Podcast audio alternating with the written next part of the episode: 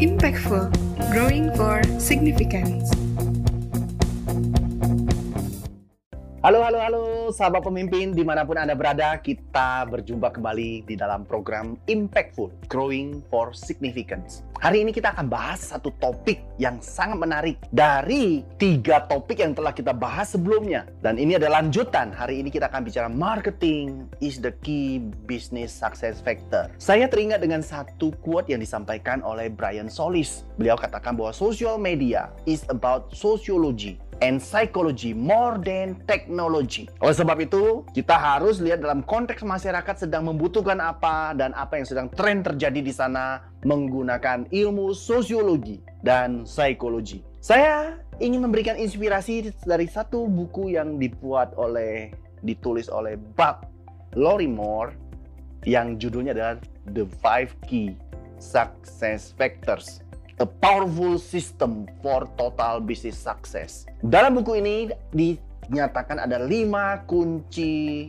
yang betul-betul menjadi faktor sukses perusahaan yang mereka lakukan satu studi panjang selama 20 tahun lebih melakukan telaah dan melakukan analisis lebih dari 100 top selling books dan mereka juga di antaranya itu dapatkan dari artikel-artikel provisional, kemudian pengalaman praktis, banyak perbedaan klien dengan variasi yang luar biasa, dan akhirnya mereka menetapkan terdapat lima kunci besar yang sungguh-sungguh menjadi faktor sukses bisnis. Yang pertama kita kita bahas tentang strategic focus, kemudian yang kedua tentang people, yang ketiga tentang operation, dan hari ini kita akan bahas tentang marketing. Pada video berikutnya kita akan bahas tentang finances. Mari kita lihat 10 tips tips tentang bagaimana marketing faktor ini bisa menjadi kekuatan. Faktor yang sangat strategis yang perlu dipikirkan oleh perusahaan. Secara khusus yang berhubungan dengan customer relations, sales, and responsiveness. Tips pertama, kita perlu lakukan apa? Mampu melakukan target market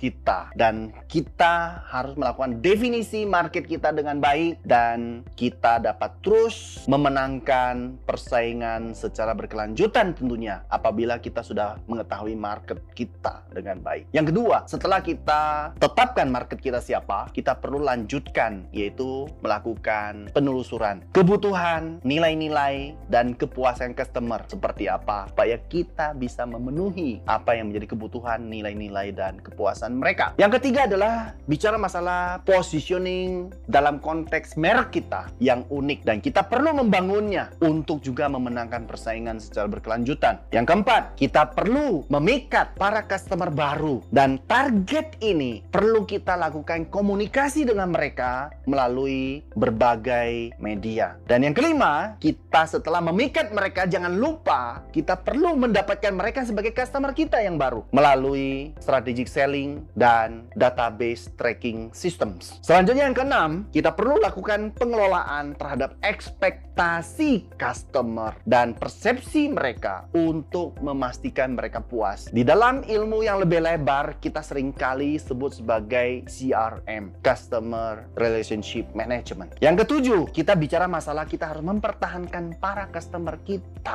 Mengapa kita harus mempertahankan? Seringkali kita mendapatkan customer baru dan kita lupakan customer yang eksis. Ini jadi persoalan tersendiri dan kita menginformasikan berbagai produk baru kita maupun produk yang sudah eksis dengan bahasa yang mereka dapat pahami dengan baik. Yang kedelapan adalah kita mendorong customer memberikan feedback dan mengkomunikasikannya hasil feedback tersebut secara internal kepada setiap orang yang ada di dalam perusahaan kita dan organisasi kita. Kemudian kita bahas apa yang perlu kita lakukan dan kita susun strategi pendekatan untuk memberikan solusi dan menyelesaikan berbagai persoalan yang muncul. Berikutnya kita pastikan yang kesembilan untuk mempertahankan antusiasme dari customer yang kita miliki dengan cara melakukan berbagai proses interaksi yang tepat supaya setiap orang terlayani dengan baik. Dan terakhir, tips yang ke-10, di dalam marketing sebagai faktor sukses kita dalam berbisnis, kita perlu lakukan monitor terhadap pergerakan pergerakan pergerakan para pesaing kita. Dan apa yang terjadi dengan market secara khusus, tren yang sedang terjadi. Dan kita perlu mempersiapkan diri secara proaktif untuk masuk di dalam celah-celah yang kita sudah tetapkan sebagai bagian dari strategi bisnis kita dan marketing strategik kita untuk bisa mempertahankan market kita, mempertahankan customer kita dan merebut customer baru kita supaya bisnis kita bisa terus eksis dan kita perlu lakukan sesuatu yang berbeda dan. Sahabat pemimpin, saya ingin menutup podcast kita hari ini dengan satu pernyataan dari Mary Smith yang sangat indah. Beliau katakan, content is king, but engagement is queen, and the lady rules the house.